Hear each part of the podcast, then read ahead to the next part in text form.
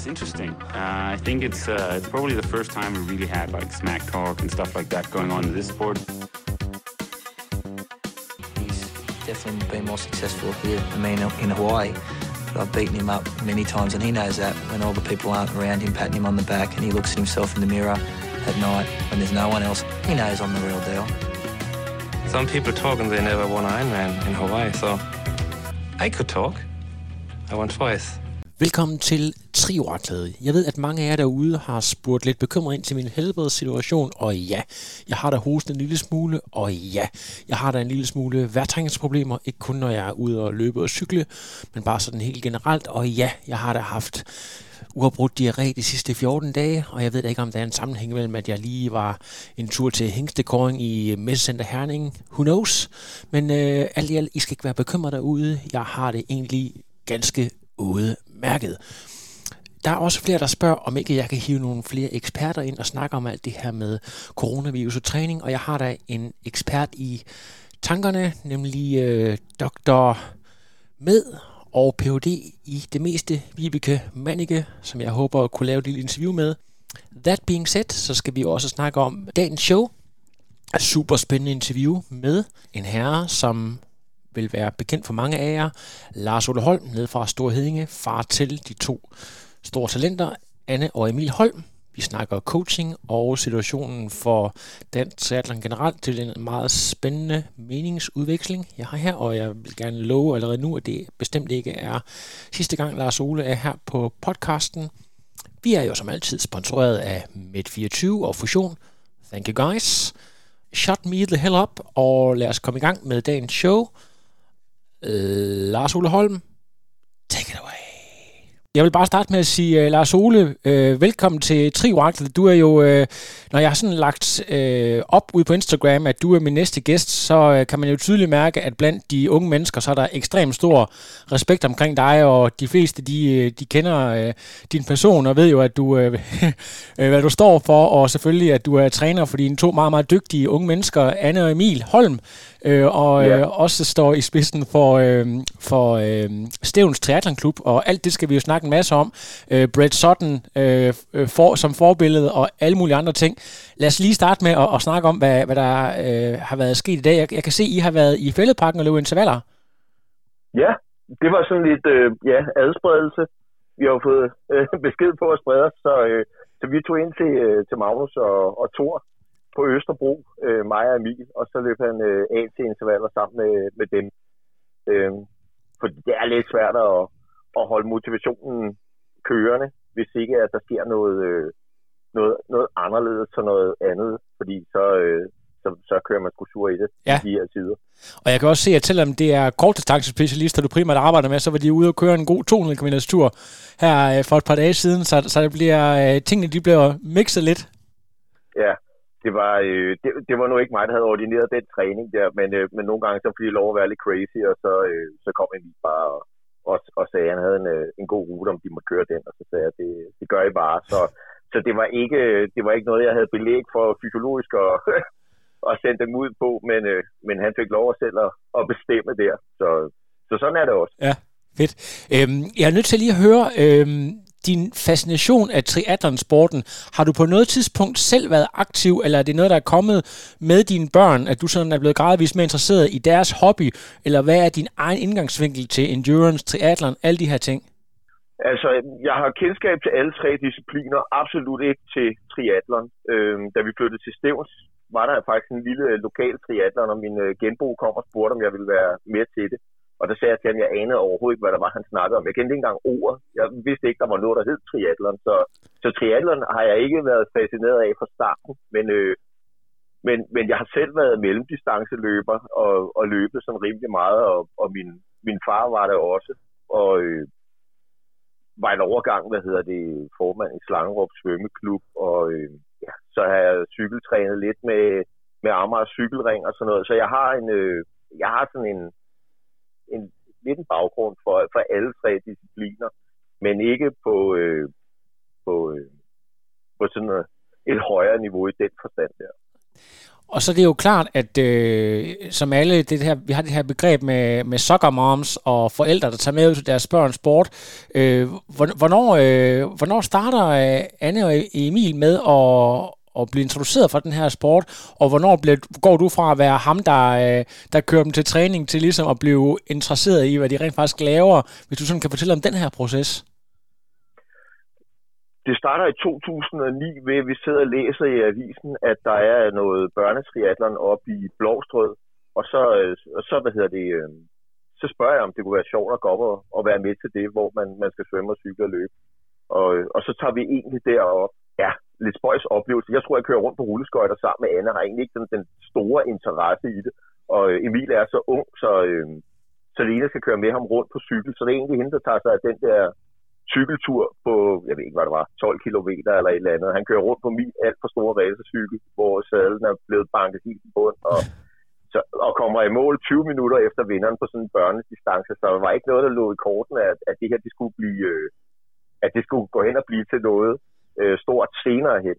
Så øh, ja, det der var deroppe, det var at Sepp, at dem, der laver de her kompressionsstrømper og sådan noget, de havde en, øh, en stand deroppe, og, øh, og havde sådan en lille børnedragt, og så står øh, Tulle der, som har det, og, og, og siger, øh, at, at de har den her dragt, og vi vil, og vi kunne tænke os at købe den, og sådan noget, så kunne hun lave en god pris på den. Og så siger jeg, ja, det, det kan vi godt gøre, og vi køber den, og så, øh, ja, så er det egentlig, så bliver vi enige om at, og, og ligesom fortsætte. Nu har vi købt den her dragt i hvert fald. Skal i hvert fald prøve noget mere. Og øh, ja, så er resten egentlig historie. Ja. Det går meget hurtigt. Øh, jeg, jeg er selv, øh, hvad skal man sige, voldsomt ambitiøs omkring det, jeg selv gør, uanset øh, hvad det er, jeg laver. Øh, så vil jeg gerne gøre tingene øh, så godt jeg overhovedet kan. Øh, så, så der går egentlig ikke ret lang tid, så, øh, jamen, så bliver det sat i, i nogle meget faste rammer, og, og vi finder egentlig ud af, hvor, er, hvor er Emil og Anne kan, kan træne, eller for, at, for, for ligesom at komme i gang med det. Så allerede i 2010 begynder det at blive sat øh, i systemer, i, i struktur. Emil bliver først øh, meldt ind i Køge øh, Tritin 2000, øh, men de har ikke rigtig noget ungdomsarbejde og sådan noget. Og så sådan lidt ved et tilfælde, hvor man sidder og, og, og surfer lidt rundt, så, så børn og triatlerne og sådan noget, og så har Ganløs egentlig startet Bulls, øhm, og vi er så med til ligesom at være, vi var ikke med på den allerførste samling, øh, der hvor det hele bliver introduceret, men, men kommer meget hurtigt ind i det, og ja, og så kører det jo bare derfra. Øh, bare lige for lytterne, øh, sådan er helt klar hvad er, hvad er din profession, udover at være, øh, være supervisor for de her unge mennesker? Bare lige så, så folk de har et hele billede med. Jamen, jeg er, jeg er håndværker, altså jeg er faktisk bygningsmaler, øh, så jeg, jeg havde ikke noget sådan grundlag for at begynde at træne dem.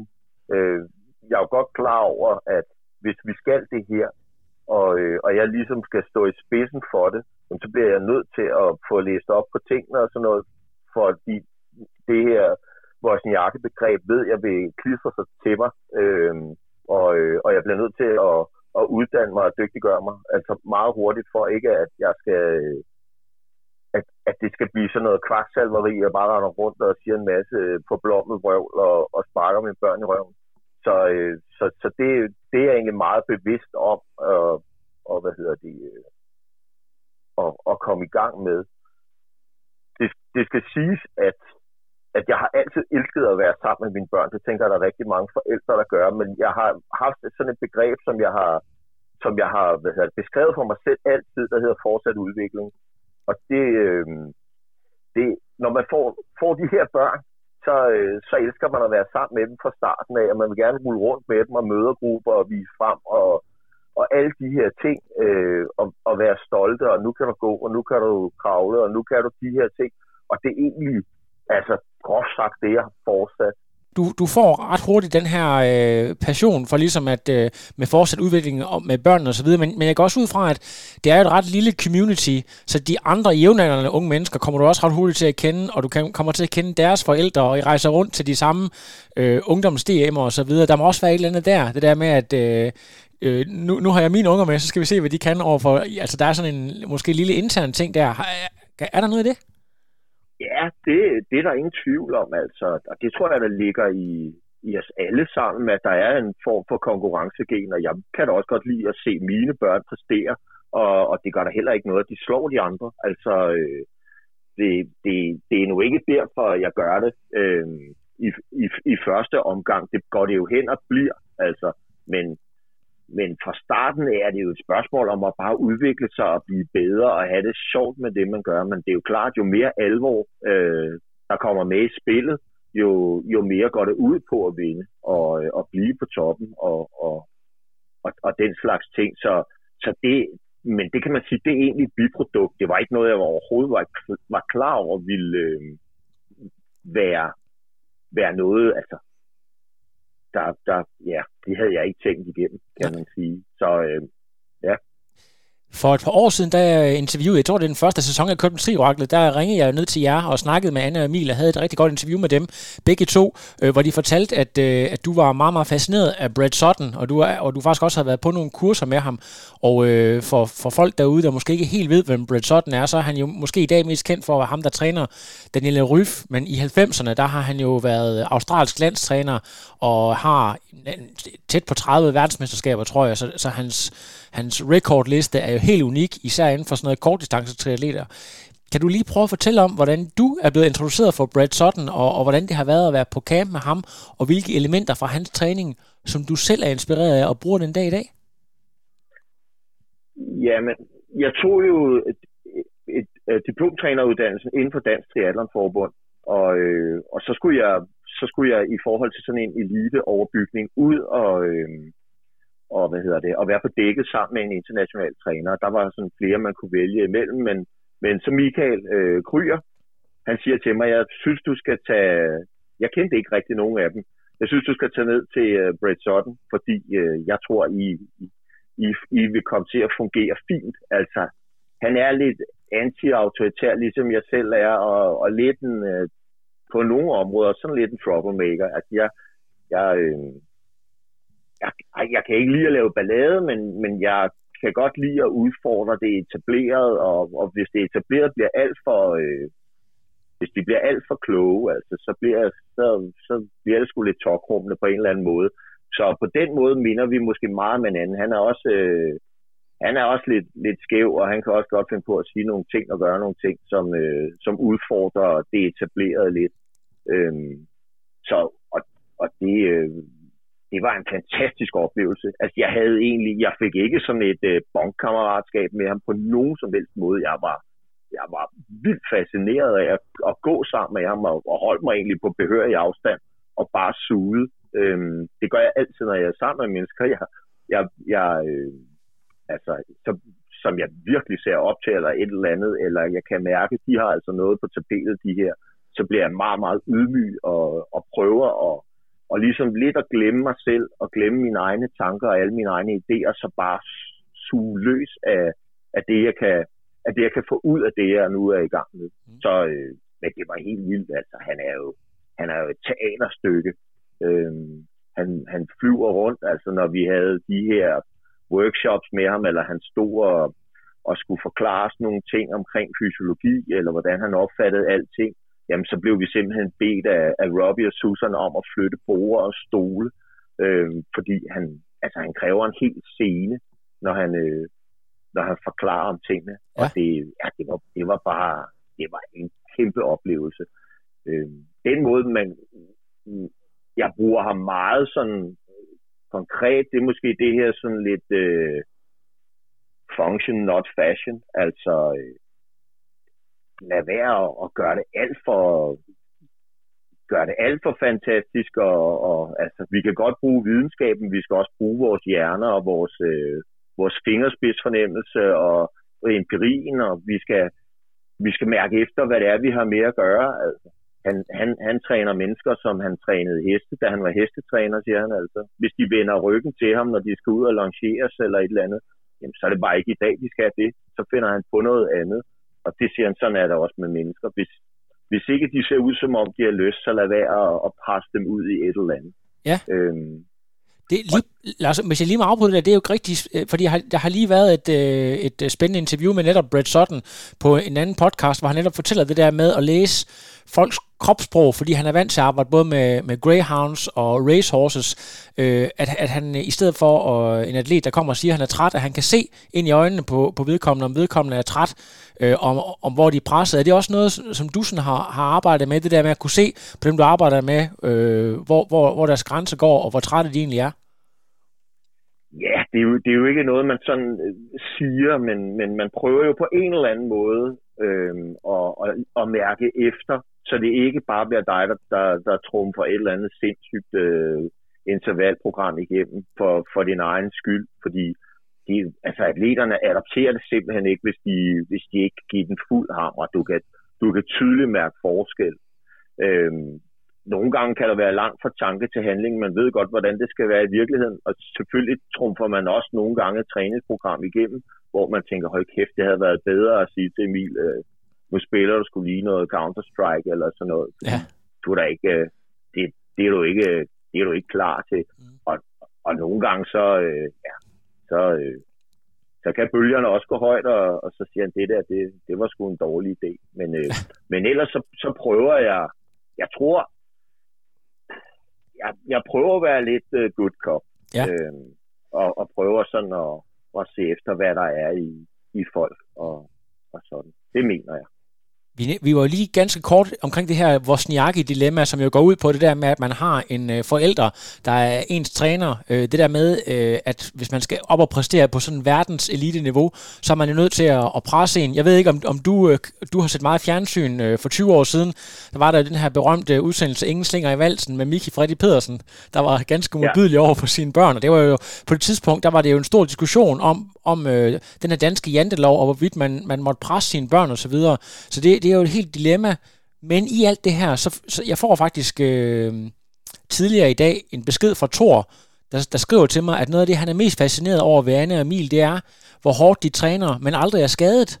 Og det er jo en eller anden kado til dig, om at, at du øh, er rigtig god til at finde den her balance øh, over, for, over for dine øh, børn, når du skal træne dem. Skal vi, prøv, kan vi lige prøve at, at, at, at snakke lidt omkring det? Ja, øh, jamen det, altså grunden til, at de ikke er skadet, det er groft sagt, fordi det må de ikke. De må simpelthen ikke blive skadet. Øhm, og det har de fået besked på. Jeg har selv øh, dyrket rigtig meget sport. Nu fik jeg det til at lyde, som om jeg slet ikke har lavet noget før. Det har jeg. Jeg har altså virkelig overdrevet det, jeg har lavet i perioder. Og, øh, og havde mange, mange år, hvor jeg ikke kunne noget som helst, på grund af, at, øh, at jeg simpelthen havde overtrænet mig selv. Der var jo ikke nogen, der kunne vejlede mig eller guide mig.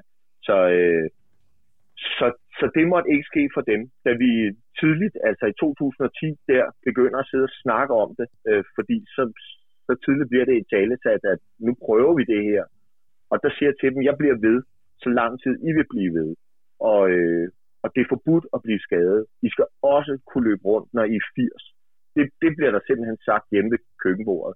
Øhm, fordi jeg vil ikke stå i en situation, hvor uh, I hverken kan gå eller stå, eller, eller have et liv, hvor uh, at I, uh, I skal spise uh, gigmedicin i store strømme, eller et eller andet. Altså det, uh, så, så, så enkelt kan det siges, at det må det ikke. Og det er selvfølgelig uh, det er nemmere sagt end gjort, men, men jeg har virkelig prøvet at dosere tingene på den rigtige måde, uh, så det ikke sker. Og jeg har de har jo trænet altså voldsomme mængder. Øh, altså, hvis folk vidste, hvor meget de har løbet og cyklet fra små af, så ville folk tænke, hvad, altså, er, er I helt vanvittige? Men, men det er så, hvad hedder det, så stor en del af vores kultur, så, så det, det er ikke rigtig træning. Altså, det er simpelthen øh, foregået i, i bøgeskoven og rundt omkring, og, øh, og aldrig været, været noget, man skulle, fordi det var træning, men bare fordi, at det var i stedet for at lave memory, eller, eller spille Ludo, eller gøre noget andet. Øh, så har vi gjort det, og, og det har egentlig snedet sig ind. Og så, og så har jeg, jeg, jeg er jo stor fan af mange trænere, øh, og, og blandt andet de her Canova, Lydiarter, Daniels og sådan noget, som, som er de her mængdegutter, altså ja.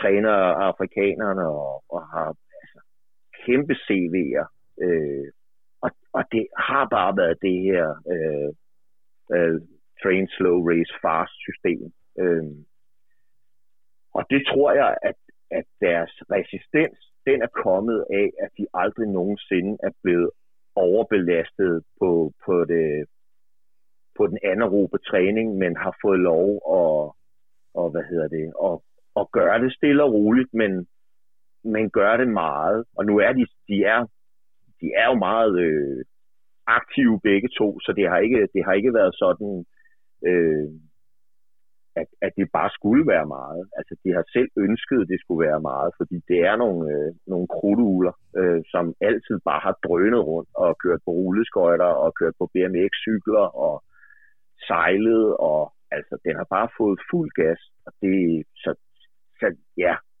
selvfølgelig træner jeg nogen, men Emil og Anne er, af bare mine børn, som jeg er sammen med. Det er virkelig, virkelig fascinerende at høre om, og øh, jeg er sikker på, at øh, der er mange flere sådan øh, gode øh, anekdoter, der ligger og gemmer sig, men jeg kunne godt tænke mig sådan at spørge helt konkret om, fordi kravene, de blev jo også skærpet sådan øh, over tid, og nu bevæger vi os længere og længere mod, at det er kort distance, det handler om, og man skal jo som mand i hvert fald ned og løbe... Øh, et godt stykke under 14, men ej, ikke, ikke under 14 minutter, i hvert fald et godt stykke under 15 minutter afsluttende, for at kunne være med øh, helt fremme øh, mm. på OL-niveau. Men når, når man skal ned og løbe i de der tempi, så øh, bliver skadesfrekvensen jo også øh, eksponelt, hvad hedder det, eksponentielt øget øh, samtidig. Hvad, hvad kan du og gøre konkret der, øh, for at, at forhindre, at de der hårde pas, de ikke ødelægger dem? Er det noget med at integrere en masse øh, overpace på løbebånd, eller hvad, hvad, hvad for nogle værktøjer bruger du der?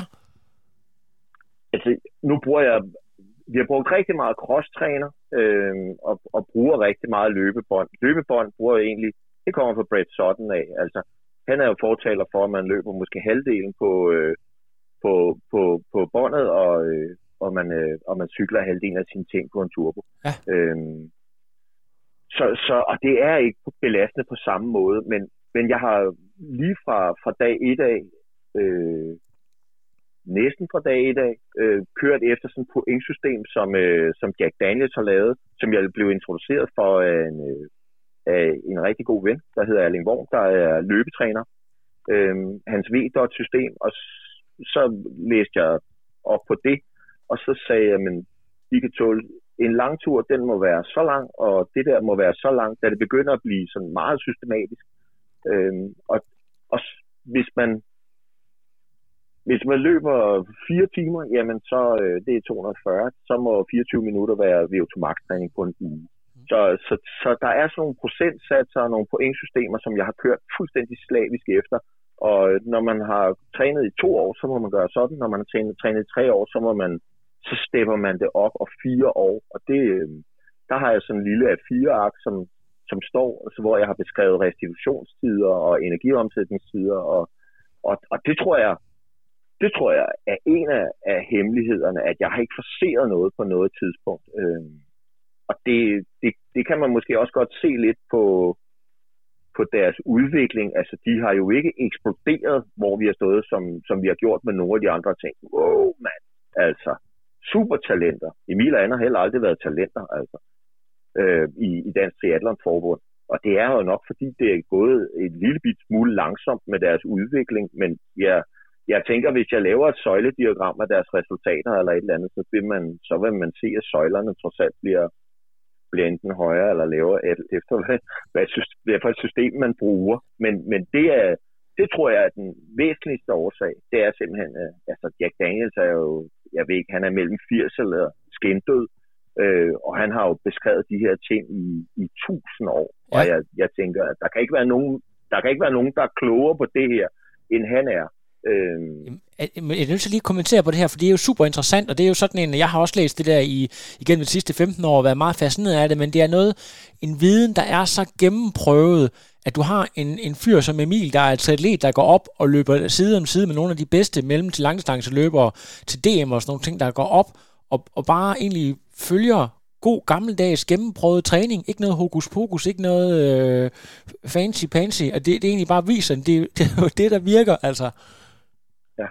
Der er ikke noget hokus pokus. Altså, det er der ikke. Jeg bliver også, øh, jeg bliver også, hvad hedder det, måske kørt lidt rundt en gang imellem, og, og, og hvad hedder det, så gør nordmændene noget, og det bliver meget det her threshold, halløjsa, og skal man hoppe med på bølgen og fordoble sine øh, intensiteter, og så skrue lidt ned for, for, for farten, eller, eller hvad er det, man skal. Øhm, og de har jo trods alt bevist, at de, de bliver ved at udvikle sig. Øhm, nogle gange så har man måske indtryk af, at altså, i forbundsregi, at det ikke går hurtigt nok. Det kan godt være lidt ærgerligt, øh, og de er måske også i virkeligheden lidt kørt ud på et sidespor i øjeblikket, øh, fordi man, man måske ikke rigtig har midlerne, eller, eller jeg ved ikke hvad, til at, og ligesom at tænke, det, det, det skal nok blive godt det her. Og der er ingen tvivl om, at Emil vil da sikkert også komme til at løbe under, under 14 på et tidspunkt. Det er jeg ikke et øjeblik i tvivl om. Og så, så er han jo der, hvor han skal være. Men, men jeg, forser, jeg forser ingenting, og, og jeg, øh, jeg, holder, jeg holder virkelig fast i det, jeg tror på, og det, som, øh, som de her gamle geogutter, de, øh, de går rundt og prædiker, fordi de er, de er sgu, de er klogere end os andre, det er de, altså. Og, og for at være en lille bitte smule øh, kantet nu, altså, så ved du bare ikke en fløj, fløj, fløjtende fis, når du kommer ud fra et universitet med en eller anden øh, sundhedsuddannelse eller et eller andet. Det gør man bare ikke. Altså, øh, det, du skal være derude, og du skal, du skal kunne mærke det, og du skal, du skal kunne se, hvad det er, der sker. Ja. Altså, og jeg synes, jeg synes for meget af det, det bærer lidt præg af, af at man, man, man simpelthen ikke tror på, på, på det samme system længe nok. Altså, man, man vælter rundt, og, øh, og så prøver man lidt her og lidt der, og, og det går bare Det er virkelig interessant, og jeg synes faktisk, at øh, jeg havde egentlig skrevet det sådan lidt op i forhold til emnet, jeg gerne vil snakke om, men nu har du allerede åbnet lidt op for det, i forhold til det her med øh, situationen for danske OL-talenter. Øh, nu øh, bliver OL øh, jo rykket til, til næste år, så vi har lidt længere at løbe på, men, øh, men i forhold til, hvor mange øh, atleter uden for det her mixed relay, som vi producerer, der har man været sådan en lille smule skuffet. Vi har kun haft Andreas Schilling, så sådan derfra, hvor du står og kigger, hvad, hvad, hvad mangler vi herhjemme for at kunne løfte niveauet og producere flere OL-atleter, øh, eller folk, der er på det her niveau, og skabe betingelserne for, at, at den danske elite som helhed bliver bedre, hvis du har en, øh, en holdning til det? Først og fremmest, så skal vi, øh, så skal vi bruge nogle penge. Det er der ingen tvivl om. Og, øh, fordi så kan man på en eller anden måde skabe nogle elitemiljøer. Man kan se altså, i cykling, som jo er, er helt oppe at ringe i øjeblikket, og bliver totalt eksponeret, sikkert for mange, mange penge fra Team Danmark. Jamen, øh, altså, du er nærmest halvprofessionel, når du kører på et juniorteam i, i Midtjylland. Så, øh, og det kan vi jo slet ikke præstere herhjemme. Og, og de får bare en... Øh, de får det ind med modermælken, og det er en helt anden kultur, og det, det kan vi ikke. Altså, der er ingen interesse for, for mellemlaget herhjemme. Kan man også se på, på DM-stævner for eksempel, at der er ikke nogen piger, der, der kommer og kører, med mindre de nærmest har en reel chance for at vinde. Og så ender vi med at stå med, med fire stykker til, til en DM-afdeling, eller en DM-finale, hvilket jo er, er fuldstændig hul i hovedet. Altså, vi, øh, vi, vi har vi har trange kår, fordi vi ikke har pengene til ligesom at, at sige, at vi tør godt at satse på det her. Fordi så er jeg sikker på, så var der mange, der, der, der gerne ville være med. Men, øh, men det er bare dyrt at købe cykler, og hvis ikke alene og jeg, vi her, øh, ja, man kan sige, sat det hele på standby, og, og så vi dør sgu nok fattige og bruger de her, altså nærmest sekscifrede beløb om året på at holde Emil og Anne i live jamen så, så havde de jo også kastet håndklædet i ringen for længe siden. Øh, og så var de heller ikke blevet til noget. Så, øh, så, så det, hvis man vil noget med det her, så bliver man nødt til at kunne eksponere sporten meget bedre. Øh, og man bliver nødt til at finde nogle sponsorer, der kan, der kan se en interesse i at, at støtte de her projekter. Og så, øh, ja, så ved jeg ikke, om man fra politisk hold bare skulle begynde at få flere penge ind i, i sporten rundt omkring, fordi det, altså, det er jo et uland, vi befinder os i.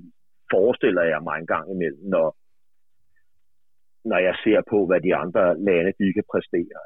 Jeg ved ikke, om det kan godt være, at det er armestue snart, men nogle gange så hører man om, at det engelske rolandshold har flere penge, end Team Danmark har. Ja. Og det er jo, det er jo helt vildt at, at sidde og tænke på. Nu har I jo lidt været nødt til at, at kigge øh, sådan lidt til udlandet. Jeg ved, at Anne hun øh, er på øh, hold øh, flere forskellige. Jeg tror både på et fransk og et tysk hold og, og racer rundt omkring, og det, er sådan lidt nødvendigt. Så, så kan man godt, hvis man er, er kreativ nok, faktisk undvære den danske race-scene, eller, eller tror du, at det er, det er nødvendigt, at vores bedste atleter har et eller andet herhjemme, for ligesom at kunne udvikle sig til de her verdensklasse atleter? Hvordan ser du det forhold? Øh, jeg vil sige, hvis ikke, at det, hvis, hvis ikke er forbundet eller altså triatleren Danmark øh, får løftet denne her, så, så kan det lige så godt blive skrinlagt, så der er ingen grund til at gøre det, fordi der er ikke, øh, jamen, der er ingen, altså niveauet er der simpelthen ikke. Og, og man kan sige, at mange af vores bedste atleter deltager ikke engang på kort distance øh, triatleren af en eller anden mærkelig årsag, som jeg aldrig rigtig har forstået. Øh, bliver de holdt væk fra, fra det her nationale hvad hedder det, system. Og, og, og det gør jo bare, at jamen, hvorfor, hvorfor fanden kommer og, kører det? Altså Emil altså, er dobbelt dansk mester, men har jo også en eller anden flad fornemmelse, tænker jeg. Jeg tror da, han er stolt af det, men jeg tror da godt, han ville, øh, jeg tror, han gerne ville bytte et dansk mesterskab ud for en tredje plads, hvis, øh, hvis der havde været nogle af kanonerne også. Og, øh, og de kommer jo af en eller anden årsag. Ikke? Øh, jeg ved ikke, hvad det er for en strategi, man anvender, øh, men, men fra Stævns sag ser det meget underligt ud, at man, man ikke gør det. Jeg, ja. Øh. Så, øh, så hvis ikke der kommer til at ske noget, så kan man lige så godt cancele det. Altså at se uh, Anne og, og Alberte, eller Sif og, og Augusta og, og Andrea og hvad de hedder, altså, ligger og buller rundt. Altså, det er sgu en paudi. Altså. Ja. Det, det, det, har intet med, det har ikke en skid sport at gøre overhovedet. Det er, det er spild af penge og spild af tid. Ja, altså, og du, og du mener, det er fordi, at det ikke er, hvad kan man sige, de, de bedste udenlandske professionelle, der dukker op, og det er det, du mener, at det er det, der mangler, for at det, det giver mening, at øh, om det så er en større check, eller om det er forbundet, der ligesom putter lidt mere prestige i det her DM, så vi hiver alt, hvad vi har, revl og krat hjem og kører de her mesterskabsstævner, for eksempel?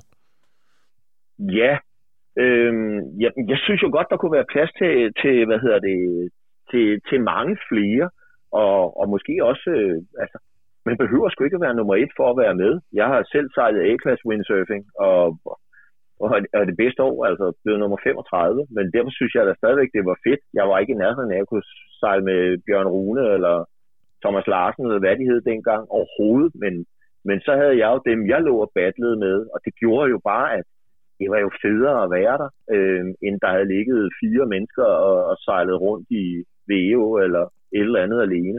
Altså, det, øh, så, så jeg, jeg tror, at man skal, man skal fokusere mere på, øh, på, at alle ikke kan være kan blive være, være nummer et eller være danske mester, og, og det også er godt, at der også er noget sport, der skal holdes liv i, og ikke kun, øh, og ikke kun det her, hvad hedder det, OL. Altså. Og jeg, kan godt forstå, jeg, kan også godt forstå, at det bliver svært, fordi pengene er, er små, og, øh, og nogle gange så virker det som om, at, at, man, at, man, øh, altså, at, at det er ligesom at være med i et lotteri. At, at man tror, at jamen, bare, bare vi lige køber en lodseddel, så bliver vi millionær. Sådan, sådan spiller det altså ikke.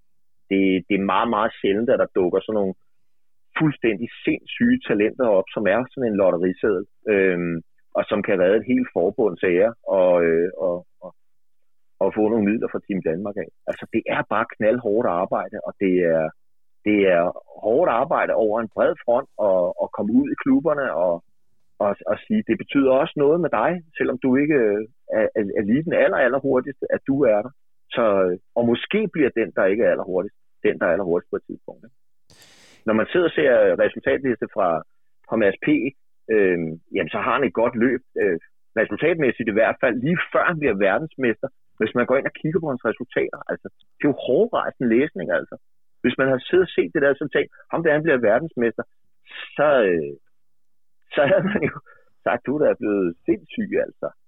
Men det gjorde han jo, og det, det var jo fordi, der også var en plads til Mads P.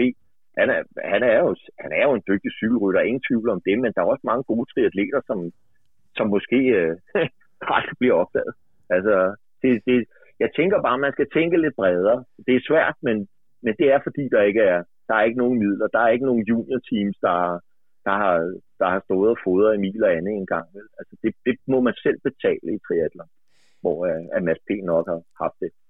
I forhold til det her med miljø og alt det der, så en anden interessant ting omkring dig, det er jo, at øh, I, har, I har jo valgt at, at lave jeres egen triathlon-afdeling. Øh, Emil og Anne, de har jo kørt for, for Ganløse i mange år, og det var jo sådan lidt øh, noget, der lå tæt på København, og der har øh, været, været kørt tri på tyren i mange år, en stor triathlon-kultur. Men det her med at lave sin egen triathlon-klub, der ligger et godt stykke fra de sådan normale studiebyer, som har det her ganske almindelige, naturlige flow med unge mennesker, der kommer og går øh, og fodrer klubberne. Øh, der skal nok komme nogle af sig selv, og så starte sit eget op øh, sådan ret, ret langt væk fra, fra København og så videre. Hvordan får du den idé, og hvad er jeres, øh, jeres målsætning, udover at, øh, at have et sted, hvor Emil og Anne kan træne? Hvad, hvad er det, I gerne vil opnå? Er det det her med at, at få øh, lidt mere, øh, hvad kan man sige, det her med, at det er fint nok at, at være med, også selvom man ikke er nummer et, eller hvad, hvad, er, hvad er jeres øh, målsætning med, med, med Stævns Tri i grunden? Øhm, ja, det har altid været, jeg, jeg har altid haft lyst til det. Det skal lige siges. Også, øh, det, det virker jo lidt underligt øh, et eller andet sted at, at køre 80 km hen for at træne.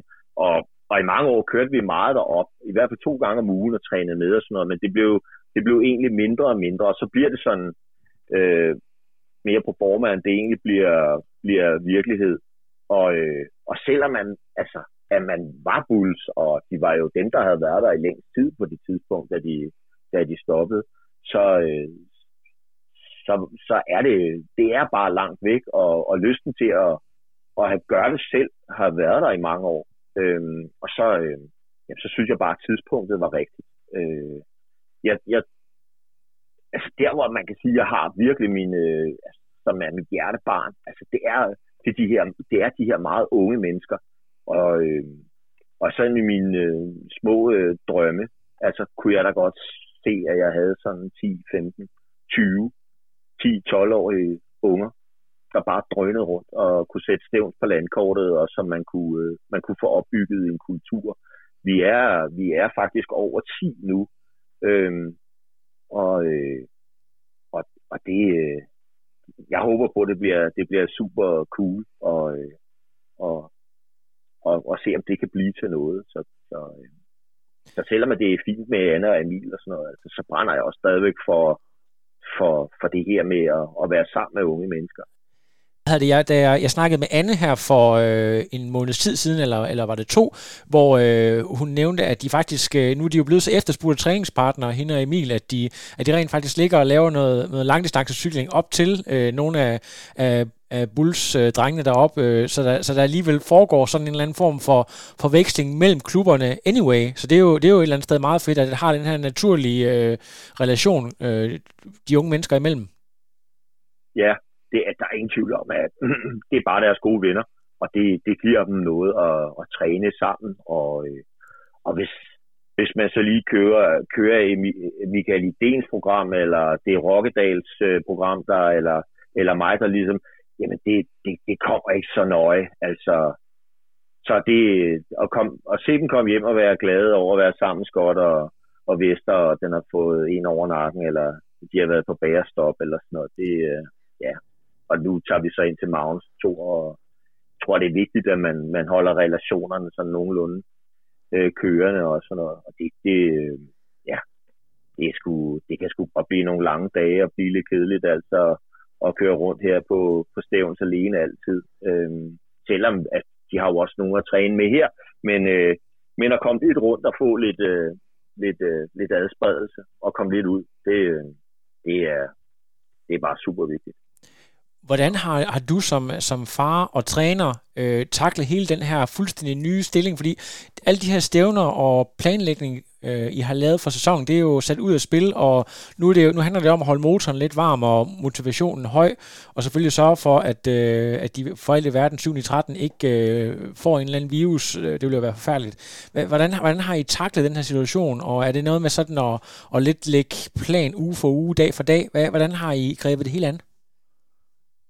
Ja, men øh, de har en, øh, altså de har en, en rammeplan stadigvæk, hvor svømningen er taget ud. Så er der en lille bit smule styrketræning i. Jeg øh, er egentlig lidt bange for at bare sige, nu skal vi lave, øh, nu skal vi lave styrketræning, der svarer til at, at svømme 40 km om ugen, fordi så vil de, så vil de helt stensikkert gå i stykker, så de har sådan, så, så de træner egentlig, de træner bare ud af stadigvæk, som om øh, intet var hen. Øh, selvfølgelig er det dybt frustrerende, og vi kan da også godt øh, se skriften på væggen, og, øh, og se, at den her sæson, den er jo, den er jo skudt øh, til hjørne. Altså, det, det er der ingen tvivl om. Det, det, der, der er ikke mere i det, men, men, men glæden ved stadig at komme ud i det gode vejr og cykle og sådan noget, den er, den er intakt. Det tror jeg også mm, i forhold til, at det, det er selvfølgelig træning, men man skal også stadigvæk huske på, at det er også stadigvæk vores kultur og, og, og gøre de her ting og, og være sammen om dem, og når de er ude at cykle, jamen, så sidder jeg tit i bilen bagved og, og bare kører med, og Lene er med, og så deler vi en pose lakridser. Eller, så, så, så vi går ikke sådan i spåner af det her på nogen som helst måde. Men, men, men det er da selvfølgelig altid ærgerligt, og i og med at OL, altså de havde jo de her 3-4 øh, profihold, de skulle køre for, så kan man jo godt se, når, når OL ikke bliver til noget, jamen, så har de jo også entreret med, med større stjerner end Emil og Anne. Og det er jo klart, de kommer til at mangle, de kommer til at mangle noget, og, øh, og, og har jo helt stensikkert øh, hvad hedder det, nogle, nogle, nogle andre klausuler i deres kontrakter, og, og måske lidt mere at, at skyde med. Så, så, så det bliver måske svært at få, få start på, på sådan noget som mere nu. Øhm, hvor at nogle af deres superstjerner, Richard Murray og sådan noget, måske havde mere fokus på at skulle gøre sig klar til, til, til OL, så vil han jo stå klar i kulissen nu til at køre Bundesliga-ting. Øhm, så, så på den måde ser det ikke sådan super, super nice ud. Øhm, fordi der, der, der er jo trods alt nogen derude, der, der, der kan matche dem, eller ja, mere. Ja, ja. Det, det er en svær situation, men jeg, jeg kunne egentlig godt tænke mig hele den her mindset. Nu snakker vi lidt om øh, nogle af mine favoritdrenge, No Chance Crew, i forhold til shout-out her i podcasten. Jeg ved, jeg hører efter. Øh, det er jo øh, Vester og Scott og alle de her drenge, som har sådan lidt øh, en, øh, en løs indstilling til tingene, men, men som egentlig bare nyder det her med at komme ud og træne, og ikke øh, går så meget op i det der med, at nu skal vi bare vinde, og det handler om øh, at blive nummer et hver gang, og er lidt selvironiske. At, at den her indstilling faktisk godt kan komme ind lidt til til, til gavn i den her tid, hvor at det, det handler egentlig bare om at nyde og være i sporten, processen, at komme ud og træne og hygge sig, hvor, hvor jeg kan se, at andre, de, øh, de er forfærdeligt ramte, fordi at det måske mere var, var de her ræs, øh, det der med at gå ud og, og præstere, at det var det eneste, der drev dem ud at træne, hvis du kan følge mig i det her. At det, at det, yeah. det, ske, det adskiller folk lidt lige nu, synes jeg, man kan se på sociale medier.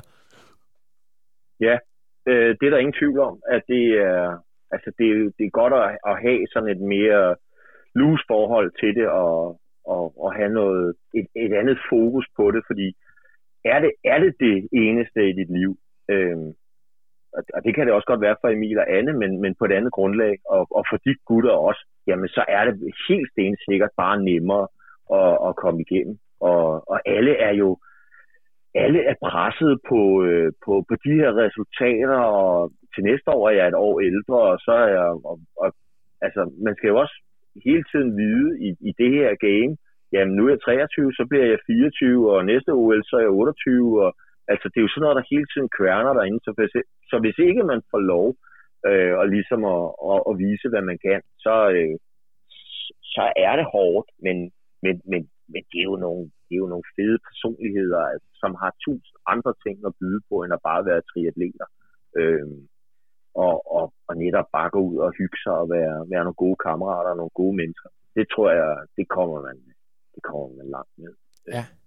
Jeg har, jeg har faktisk øh, ikke sådan i forhold til punkter, øh, jeg synes, vi skulle nævne, så har jeg ikke flere lige nu, men jeg tænkte på, øh, du virker jo som en, en, en mand, der har mange øh, holdninger om til sporten generelt, så har du nogle sådan særlige kæpheste i forhold til coaching, dansk triathlon, øh, der hvor vi er lige nu, som du, som du godt vil dele her på podcast, eller som vi lige kan diskutere her til sidst, så må du meget gerne øh, bringe det op lige nu, øh, så, har du, øh, så har du fri mikrofon til at komme ud med det lige nu. Ja, men altså, jeg har mange kæpheste, det er der, ingen tvivl om. Øh, jeg skal også øh, varme min mund, øh, fordi øh, jeg, jeg er ikke, det er ikke sikkert, at jeg sidder inde med facit og sådan noget, men, men jeg synes, jeg synes, at man skulle, øh, man skulle satse bredere. Øh, nu har jeg lille Joachim Snak for eksempel, som, øh, som knokler sin røv i laser, hvor blandt andet, altså han er ikke så, eller han er 16 år, men men, men stadigvæk ikke sådan super udviklet. og, øh, og han var med ude på den her 200 km øh, tur, og har egentlig øh, passet sin træning til punkt og prikke. Øh, og jeg kan da godt, øh, jeg kan da godt være bange for, at, at det her kæmpe stykke arbejde, den her unge mand, som er vildt ambitiøs, og jeg tror aldrig, han har, har misset et træningspas, medmindre han har, har været, han måske også kommer til at stå i en situation, hvor uh, han, han ikke får den tid, der skal til for at, at blive udviklet, fordi så, øh, jamen, så, så igen det her, så, så er det noget med en lotterisæd, altså fordi budgettet er simpelthen så småt, så man, man kan kun håbe på at, at, at trække, trække den helt store jackpot, øh, fordi der er ikke råd til at, øh, at satse på, at sådan en, en gut der, han måske øh, når hele vejen. Ja. Og det er bare, det er en sindssyg øh, belastning for en økonomi, en ganske almindelig familie, at have sådan en barn eller to, og skal, og skal finansiere det der. Øh, så så på en eller anden måde, altså, så, så vil jeg sige til, øh, til, til et forbund at gå ud, og, gå ud og finde nogle penge, altså, så, I kan, så I kan servicere flere øh, og passe på nogle flere og lade dem få den tid, der skal, der skal bruges for at, at blive udviklet. Øhm, fordi altså, der, der er ingen magi, og der er ikke nogen, øh, hvad hedder det, øh, det, der er sgu ikke nogen tryllerier i det her. Det er knaldhårdt arbejde, og man, man, man må bare bygge det op stille og roligt. Øh, det synes jeg måske ikke, at der er tid til.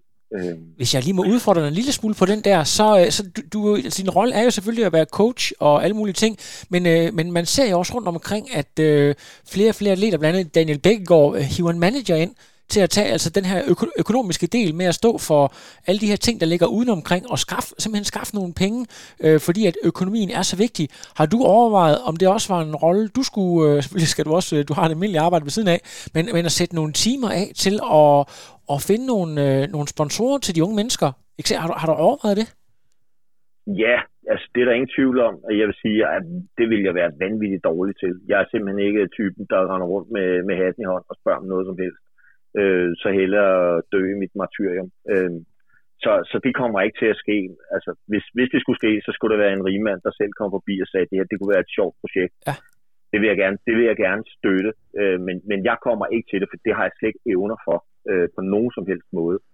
Øh, jeg synes også langt derhen ad vejen, at man kan sagtens selv øh, stå for, for ligesom at få dagligdagen til at køre, men, men, men det bliver bare meget med egenbetalinger og, og alverdens ting og sager.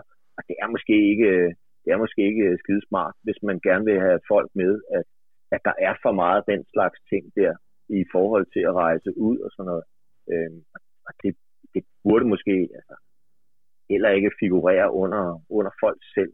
Øhm, det, ja, så det, det må, du må gerne udfordre mig, øh, og, og jeg kunne da, det kunne være, måske være meget fint at gå ud og, og prøve at finde penge selv det, det, det vil jeg sige, det, det er virkelig øh, der, hvor øh, at, øh, at jeg kommer til kort. Ja. Altså Nikolaj Grønbæk der, som jeg kender særdeles godt. Ja. Øhm, han er jo en, han har en mere professionel tilgang til det, og, og det er super fint arbejde, han har fået øh, op at køre sammen med Daniel.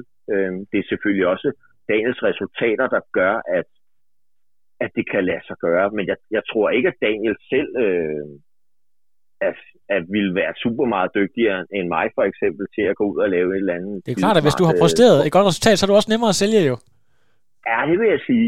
Øh, så det følger jo selvfølgelig også med, men så kommer vi tilbage til, til, til denne her udvikling og sådan noget, øhm, hvor man måske skal satse noget længere tid, før man når de her resultater. Ja. Jeg synes jo, min personlige mening er, at Daniel ikke på nogen som helst måde skulle have været skrottet som kortdistanceatlet.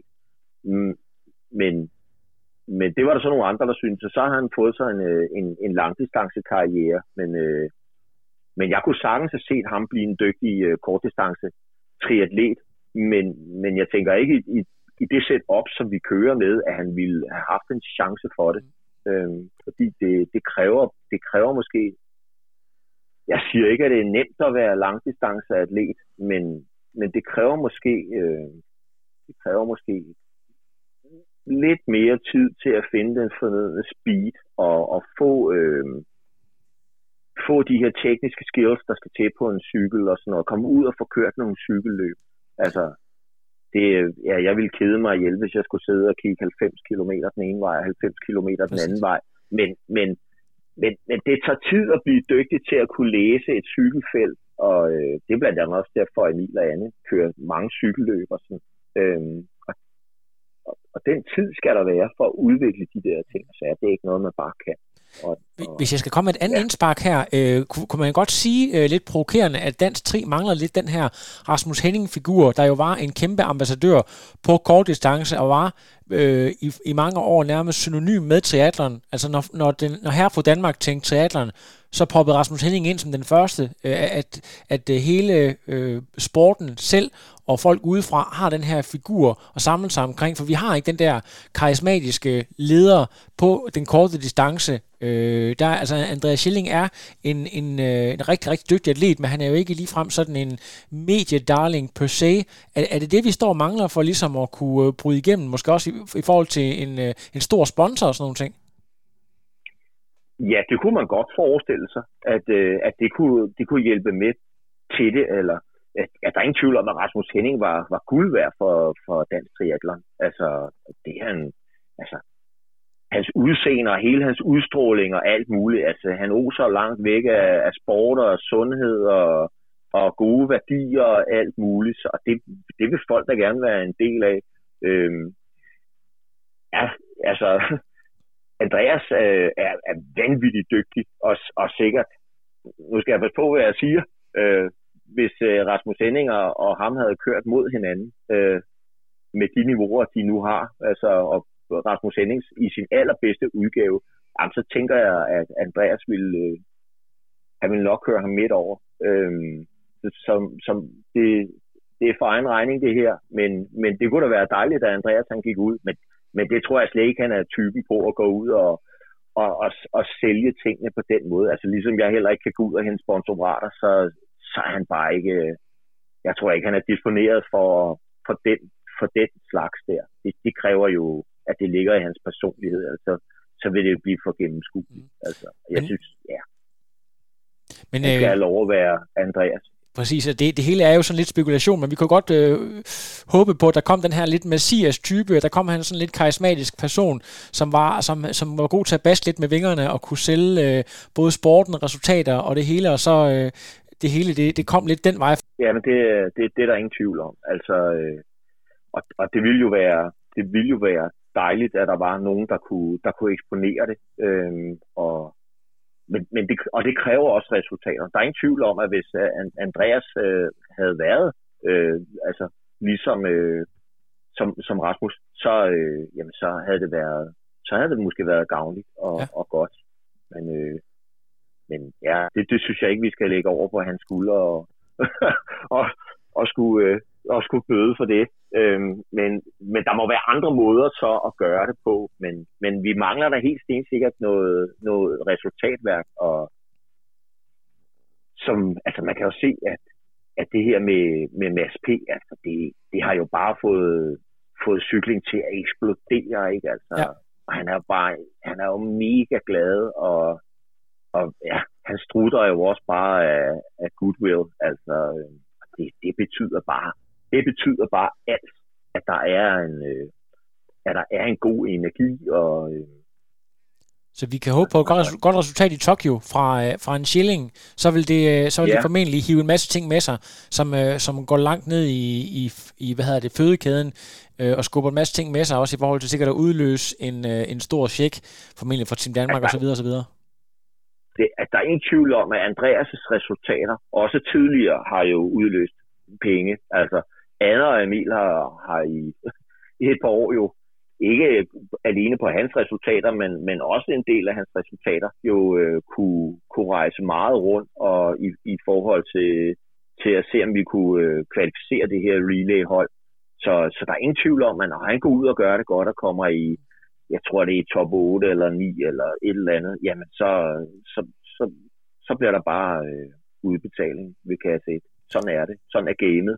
Så, øh, så det er virkelig det er virkelig vigtigt, at sådan en som Andreas, han, øh, han går ud og, og gør det godt, fordi det, jeg kan ikke huske, hvad er det, når det regner på på, på præsten, så drypper det på dejen, lige præcis. Siden vi nu har her ja. åben mikrofon og snakker helt ærligt omkring tingene, så var vi jo måske mange, der var lidt bekymrede dengang øh, her i, var det helt var det januar måned, hvor der var øh, halv Ironman i, øh, i, nu kan jeg ikke engang huske, om det var Dubai eller Bahrain, hvor øh, Andreas Schilling stillede op, og det var sådan lidt øh, under radaren, med, der var mange, der havde regnet med, at han ville knuse feltet fuldstændig, mm. øh, og, det, og ja. det var, var en lille smule skuffende, og der var øh, sådan lidt, lidt forskellige ting, og havde han ikke rigtig kørt på en, en TT-cykel før, og, og hans øh, løb var jo også ret outstanding. Han løb sådan noget 1.08, men, men svømningen var lidt øh, for dårlig i forhold til, hvad man kan forvente af en øh, top ITU-atlet, og cyklingen var i hvert fald ikke god nok.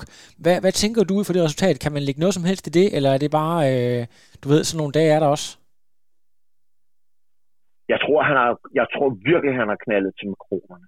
Igen på egen regning, så kunne jeg måske godt øh, tænke mig, han er, altså Andreas er en sindssygt dygtig cykelrytter. Altså helt vildt. Jeg, det er jo det. Jeg, øh, jeg kunne godt tænke mig, at han, han blev en, en, en snært bedre, råber jeg ikke, han skriver til mig bagefter, men er han måske lige blevet en snært bedre til at svømme, øh, og, og, og lige gav det 10 km mere om ugen, eller, eller hvad det er, der skal til, eller tage nogle større håndblader på, mm. whatever.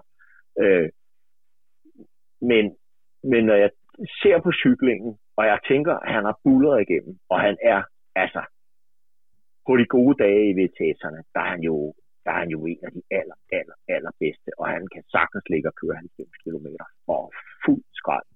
Jeg er 100% sikker på, at det der har ikke været, det har simpelthen ikke været noget med hans form, eller hans fysiologi, eller noget som helst at gøre. Altså, det må være noget materielt, eller så må det være den der, hvor man går ud og, og undervurderer det hele, eller et eller andet. Det ved jeg ikke. Det har jeg, det, jeg kender, der kender ham slet ikke øh, nok. Øh, og hans psyke til at vide, hvordan han griber tingene an. Men, men ja, jeg, jeg er sgu mest tilbøjelig til at tro, at den cykel på en eller anden måde ikke har været sat ordentligt op til ham. Øh, om, om, han har, om han har kørt i nogle forkerte gear, eller eller ja, ja det, det ved jeg ikke. Det der, det var i hvert fald ikke Andreas Hilling. Det er 100 procent. Hvis han skulle jo have vundet det der. Ja, ja, lige altså, præcis. Lige, lige ja, det, så bare, det, det var bare lige interessant ja, at høre, ja. høre din, øh, din tilgang til det. Ja, nej, det, øh, jeg, jeg tror, at hvis, hvis, hvis han, er, han må være vanvittigt skuffet, det må gøre vildt ondt på ham på en eller anden måde øh, jamen så sad vi andre kræfter med også og tænkte, hvad fanden sker der altså? Det kan simpelthen ikke være rigtigt det der, fordi, fordi man ved bare, hvor sindssygt ondt han er på en cykel. Altså. Han kan jo, han vil jo kunne, det skal han kunne, have trådt det hele sønder sammen. Ja. Så, så jeg ved ikke, om, øh, om kranken har været spændt for hårdt, eller, eller om tandhjulene har været for små, eller et eller andet. Det pas, det jeg ikke. Jeg, jeg, jeg forstår det i hvert fald ikke. Jeg er sikker på, at øh, han på et tidspunkt kommer til at, at modbevise øh, det resultat i hvert fald. Det er jeg ret sikker på. Men det er ikke sådan, at du øh, har været fristet til. Nu, kan, nu snakker vi lidt om nordmændene ganske kort. De, jo, de nævnte jo her på en af de tidlige... Jeg havde jo øh, øh, ideen, øh, Michael Ideen på her, der fortalte lidt insider omkring nordmændene, at de både havde øh, overvejet øh, Hawaii og, og Copenhagen Ironman efter, efter OL, hvis tingene de var gået, sådan som øh, de havde planlagt. Og siger med, at, øh, at Gustav, han allerede var kvalificeret igennem øh, hans verdensmesterskab. Men, men har du ikke øh, overvejet, at de unge mennesker, de skulle mixe tingene lidt op med noget langdistance, eller, eller synes du, det er vigtigt, at, at de holder den der fart på den korte? Har, har du haft en overvejelse om det? Ja, det, det, det gør man hele tiden, og man kan jo også godt se, øh, læse skriften på væggen, og, og, og forbundet går måske mere i en, øh, en langdistanceretning nu. Ja. Øhm, og, og, det kan jeg kun begræde, fordi jeg synes, at forbund primært skal have fokus på OL-discipliner. Øhm, så, så, så selvfølgelig skal de også have det andet med, men jeg synes, det er ærgerligt, hvis det bliver cancelet fuldstændig. Altså, øh, jeg kender ikke, jeg kan ikke sådan helt i, i krystalkuglen sige øh, med hensyn til, øh, til Annes løbeniveau, hvordan det vil udvikle sig, men jeg er helt sikker på, at Emil vil blive en rigtig, rigtig dygtig kortdistance triatlet. Så det ville da ærge mig fuldstændig altså, ja, vanvittigt, hvis, hvis jeg skulle øh, hvis jeg skulle begynde at træne ham på, på, på lang distance. Men, men det kan godt være, at, at for ligesom at få et gennembrud, at man bliver nødt til at sige, at du må sgu op og ligge, du må op og ligge der i, i ævepositioner og kede dig de næste ja. to timer. Altså, og så, øh, og så må vi tage den derfra. Der er ingen tvivl om, at det har været gavnligt for, for, for drengene over på SDU at gøre det på den måde, fordi de har ligesom skabt sig et navn.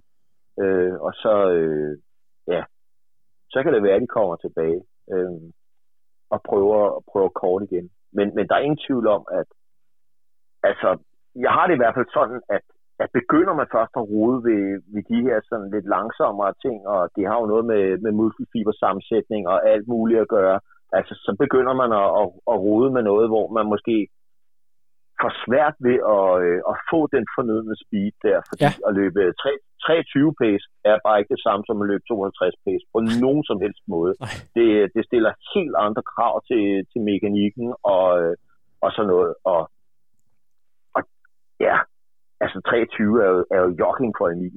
Øhm, og det er jo, altså, det er jo gold pace for en, øh, en, en, en 73 atlet. Ikke? Ja. Så, øh, så, så der, der er lang vej øh, hvis, hvis man vil tilbage igen. Og jeg tror, at man skal hylde mig tænke så rigtig godt om, altså, hvis man, hvis man vil prøve det.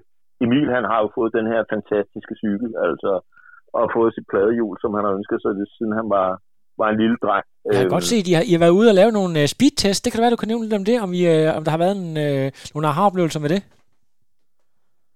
Jamen, det, uh, jamen det er igen Emil. Altså han er sgu en, øh, han er bare en lirkal, og så, øh, jamen, så købte han et bladehjul og købte øh, den her P5'er.